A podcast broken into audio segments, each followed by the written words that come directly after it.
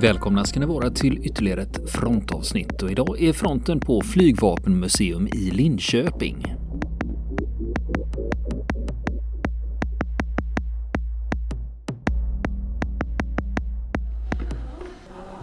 Äntligen, äntligen har fronten lyckats ta sig till Flygvapenmuseum i Linköping.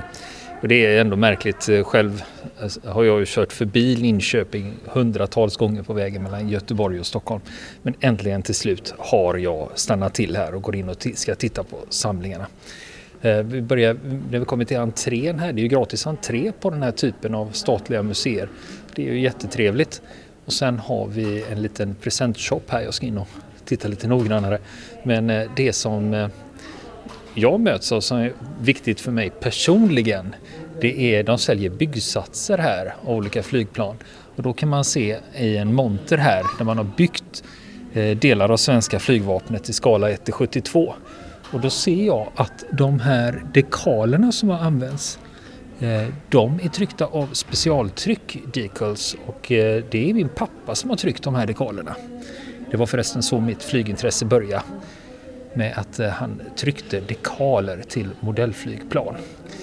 Och då var det så här att när du köpte en byggsats då var det så att du följde med dekaler men de stämde oftast inte i storlek eller i färg utan då fick man köpa specialtrycksdekaler istället. Det är alltid roligt när man har eh, personliga kopplingar till det här. Jag fick en liten snabb instruktion i kassan också vilka delar och var man kan hitta grejerna. Men vi tog väl, så när man inte vet var man ska börja, då börjar man från början. Alltså kommer vi börja på 1900-talet. Jag hade tänkt att skämta med dem och säga ja men 1800-talet då. Men det, det låter vi bli då. Ska vi se vad vi har för kända plan här. Här kommer vi in, det ser vi direkt att det är gamla grejer. Nu ska vi se, här är en Thulin G. Det första man springer på det är alltså ett sjöflygplan. Thulin G spaningsflygplan. Marinen behövde ersätta sina omoderna Farman-flygplan och begärde in anbud på fem nya plan 1915. Och beställningen gick till AB Enok Thulins aeroplanfabrik i Landskrona. Resultatet blev flygplanet Thulin G som presenterades i januari 1916. Pengar för tillverkningen hade samlats in av Allmänna försvarsföreningen.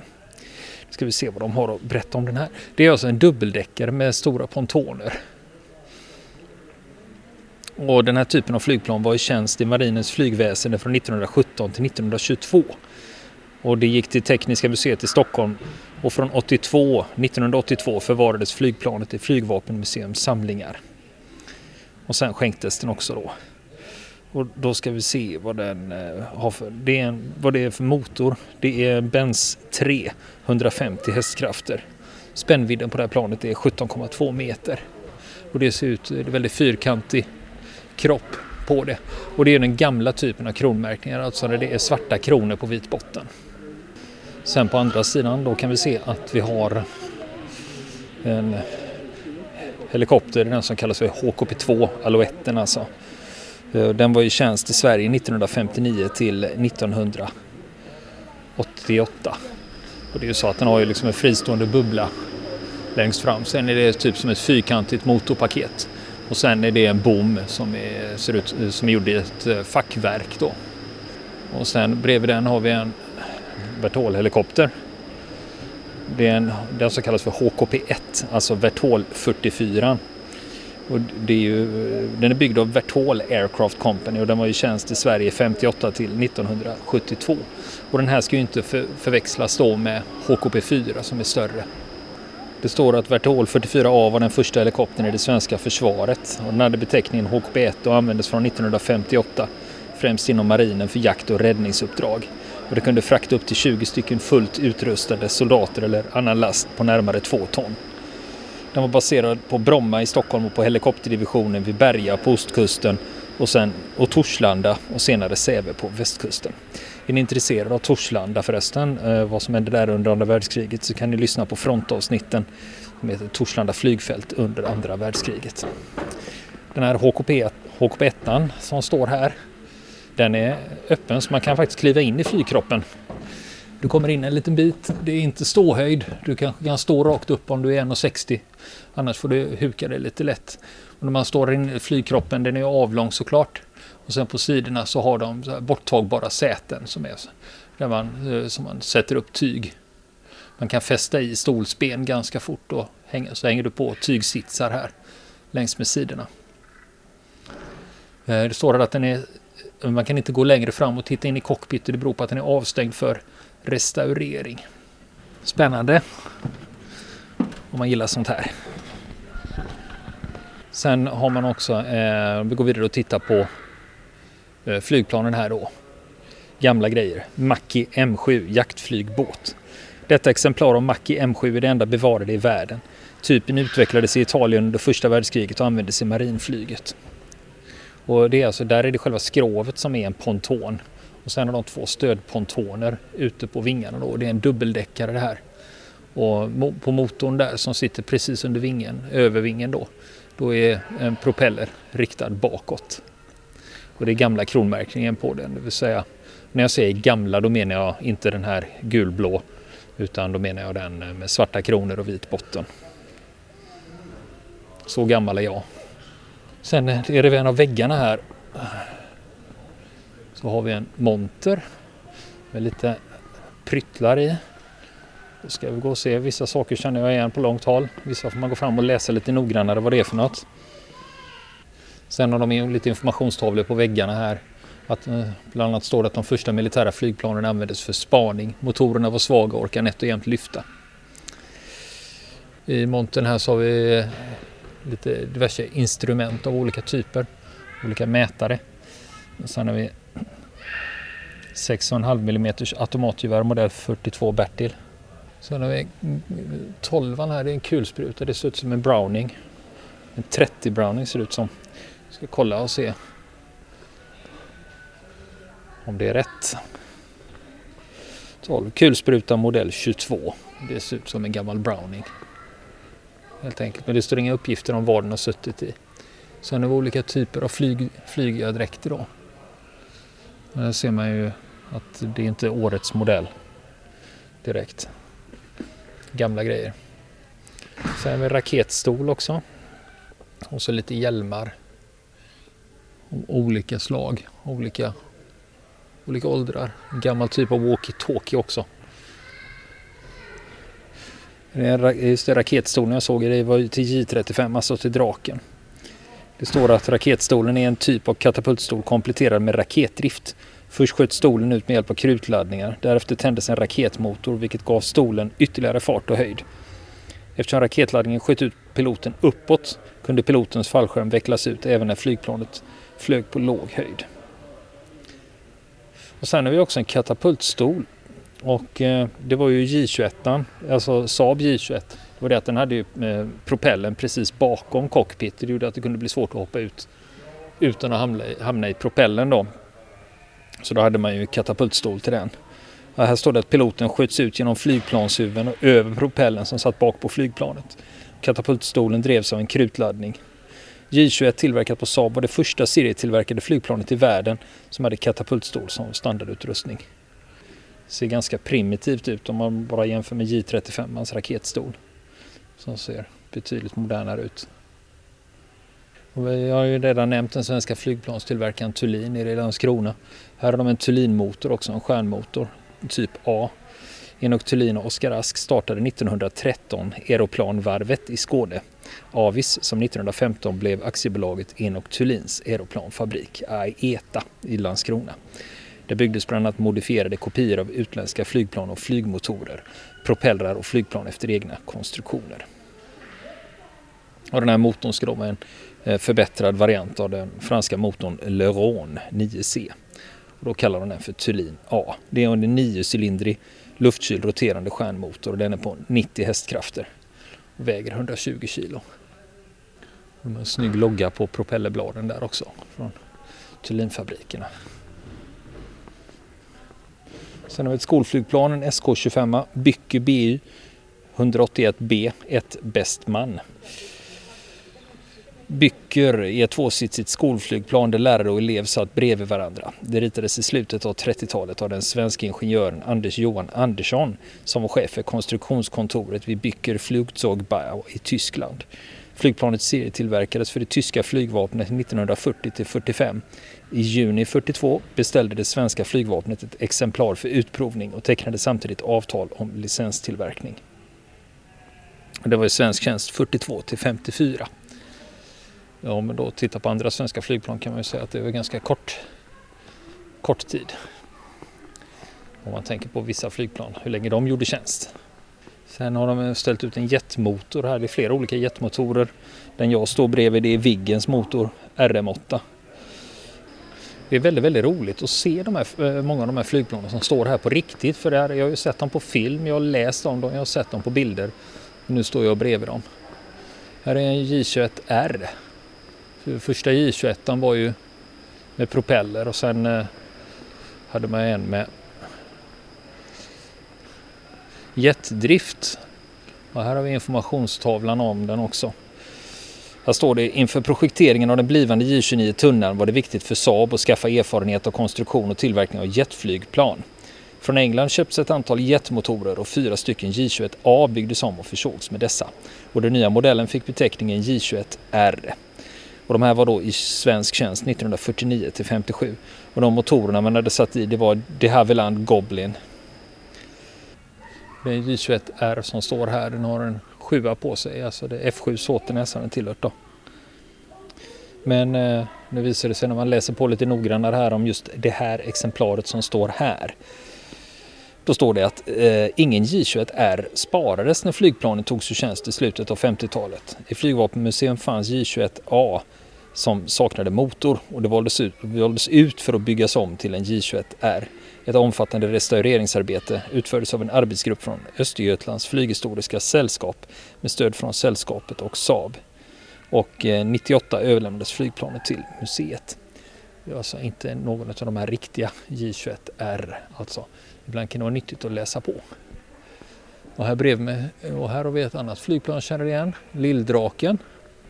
Saab 210 Lilldraken för redan 1949 började Saab projektera för en ersättare till jaktflygplanet Saab 29 Tunnan. Det nya flygplanet hade krav att bekämpa kärnvapenbärande bombflygplan på hög höjd och det måste också kunna flyga fortare än ljudet. Och eh, här, eh, det här var ju ett eh, testflygplan som man använde sig av för att prova ut de här egenskaperna. Det hade en toppfart på 550 km i timmen. Det är ju lite snarlikt Draken men man ser direkt att det inte är det. Sen är det ett annat väldigt, väldigt tidigt flygplan, Ö1 Tummelisa. Eh, nu har vi gått över på de gamla, gamla grejerna då.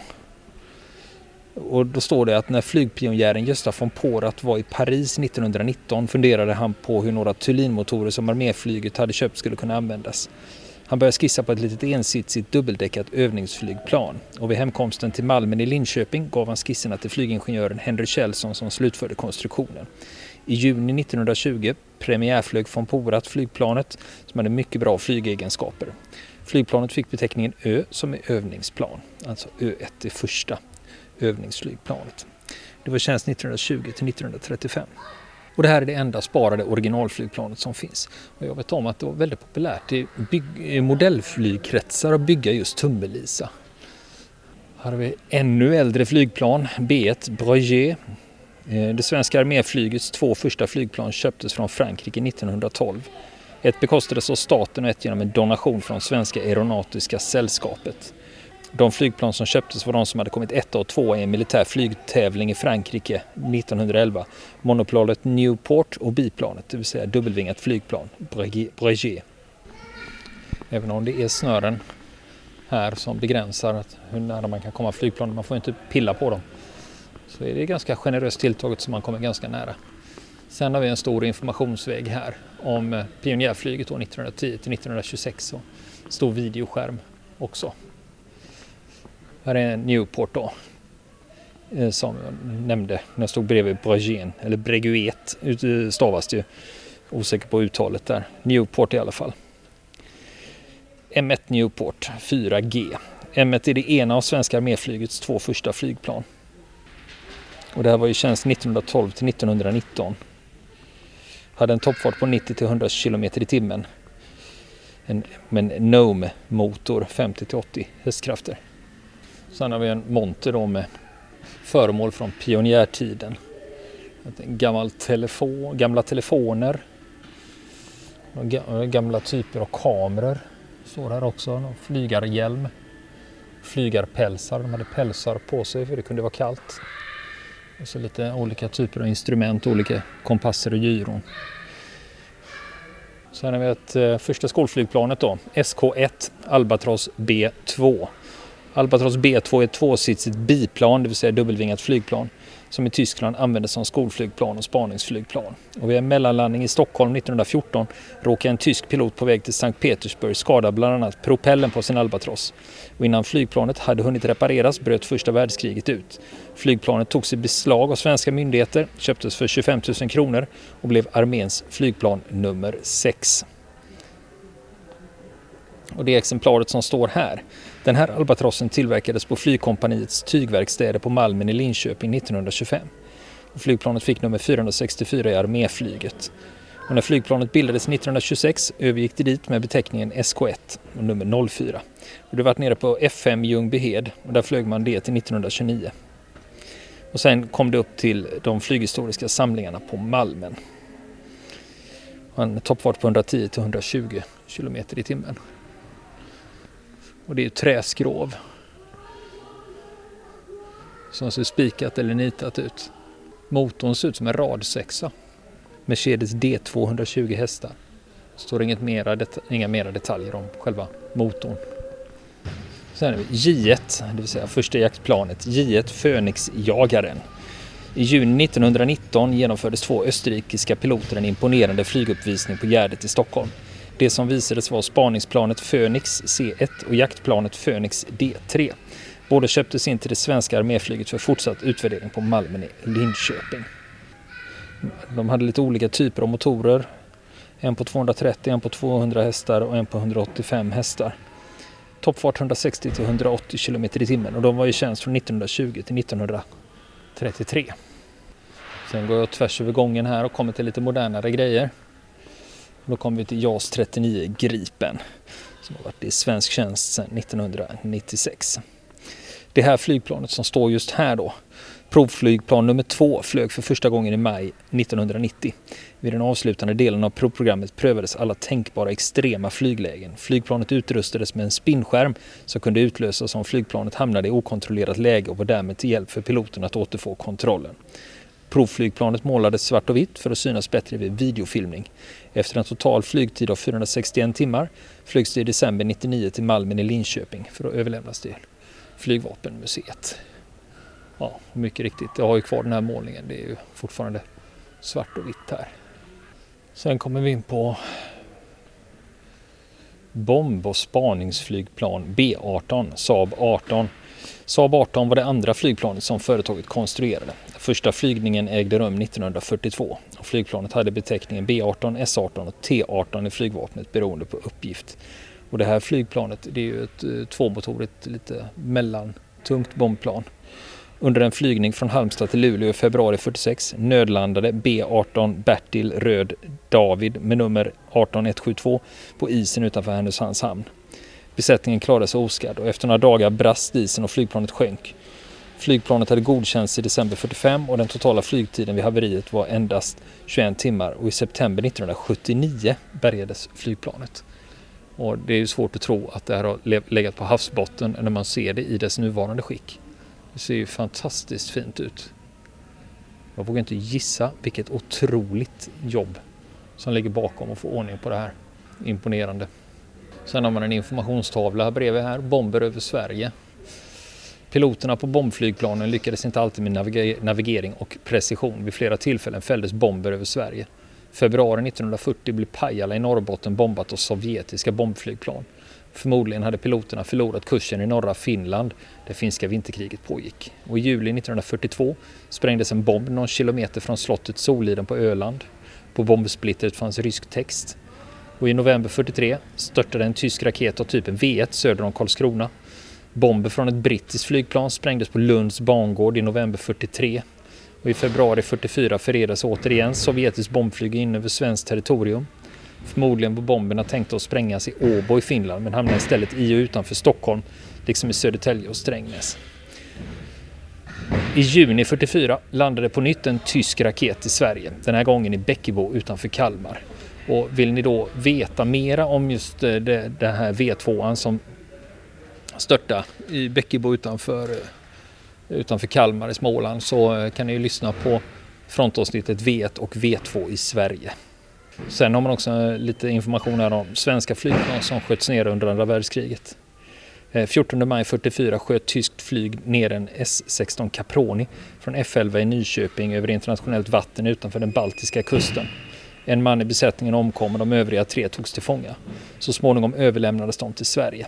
Dagen efter den första nedskjutningen sköts ett annat S16-flygplan från F11 ner när besättningen letade efter det försvunna flygplanet. De återfanns aldrig. 23 maj samma år försvann ett tredje Caproni-flygplan som hörde till F11 men var baserat på F7 i Såtenäs. År 51 återfanns vraket med brand och skottskador utanför den danska ön Anholt. I början av april 45, bara en vecka innan kriget var över, sköts ett svenskt jaktflygplan ner av tyskt flyg under ett avvisningsuppdrag utanför Simrishamn. Då omkom en person.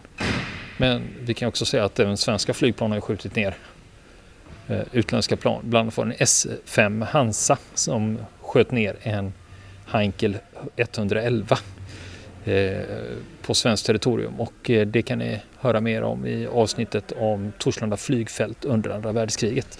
Där berättar vi den historien. Här har vi en till dubbeldäckare. S6 Fokker. När flygplanet bildades 26 övertog slitna och gamla flygplan från armén och, arm, arm, från armén och marinen. Nya jakt och spaningsflygplan behövdes. För provverksamhet köpte flygvapnet två stycken Fokker CVE för spaning och två stycken CVD för jakt. Och det här är ju då en spaningsvariant och den var i tjänst 1927 till 1946 hade en toppfart på 190 till 230 km i timmen. Hade två typer av motorer. Dels eh, Bristol Jupiter 6 på 455 hästar och sen Nohab My 6 600 hästar. Sen har vi ett skolflygplan SK10 dubbeldäckare. Raab Katzenstein RK26 Tigerschwalbe Aktiebolaget Svenska Järnvägsverkstädernas Aeroplanavdelning beställde ett exemplar av sportflygplanet Raab Katzenstein RK26 från tillverkaren i Tyskland 31. Flygplanet skulle användas som mall inför licenstillverkning i fabriken i Linköping. I början av 32 beställde flygvapnet 25 exemplar från ASJA för användning i flygutbildningen. den här hade man kvar då 1932 till 1945. Och det är då en dubbeldäckare med eh, dubbla sittbrunnar. Det vill säga en som sitter fram och en som sitter bak. Och bredvid den så står det en annan dubbeldäckare. Och nu blir det intressant för den har finska märkningar. Och vad är det vi har då? Jo, det är en J8 Gloster Gladiator. Vill ni höra historien om J8 så får ni återigen lyssna på frontavsnittet om Torslanda flygfält under andra världskriget. Här kan de berätta ungefär samma saker som vi redan har berättat att J8 var omodern redan när det var nytt i flygvapnet. Det var dock det första flygplanet i flygvapnet som var försedd med täckt förarkabin. En annan fördel var att det var lätt att manövrera och hade liten svängradie.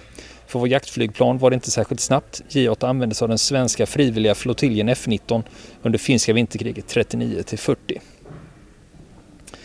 Det här flygplanet, 9 juni 38 kom flygplanet till F8 i Barkarby när frivilligförbandet F19 sattes upp ingick det bland de jaktflygplan som deltog i finska vinterkriget. Flygplanet hade då den målning som det har idag.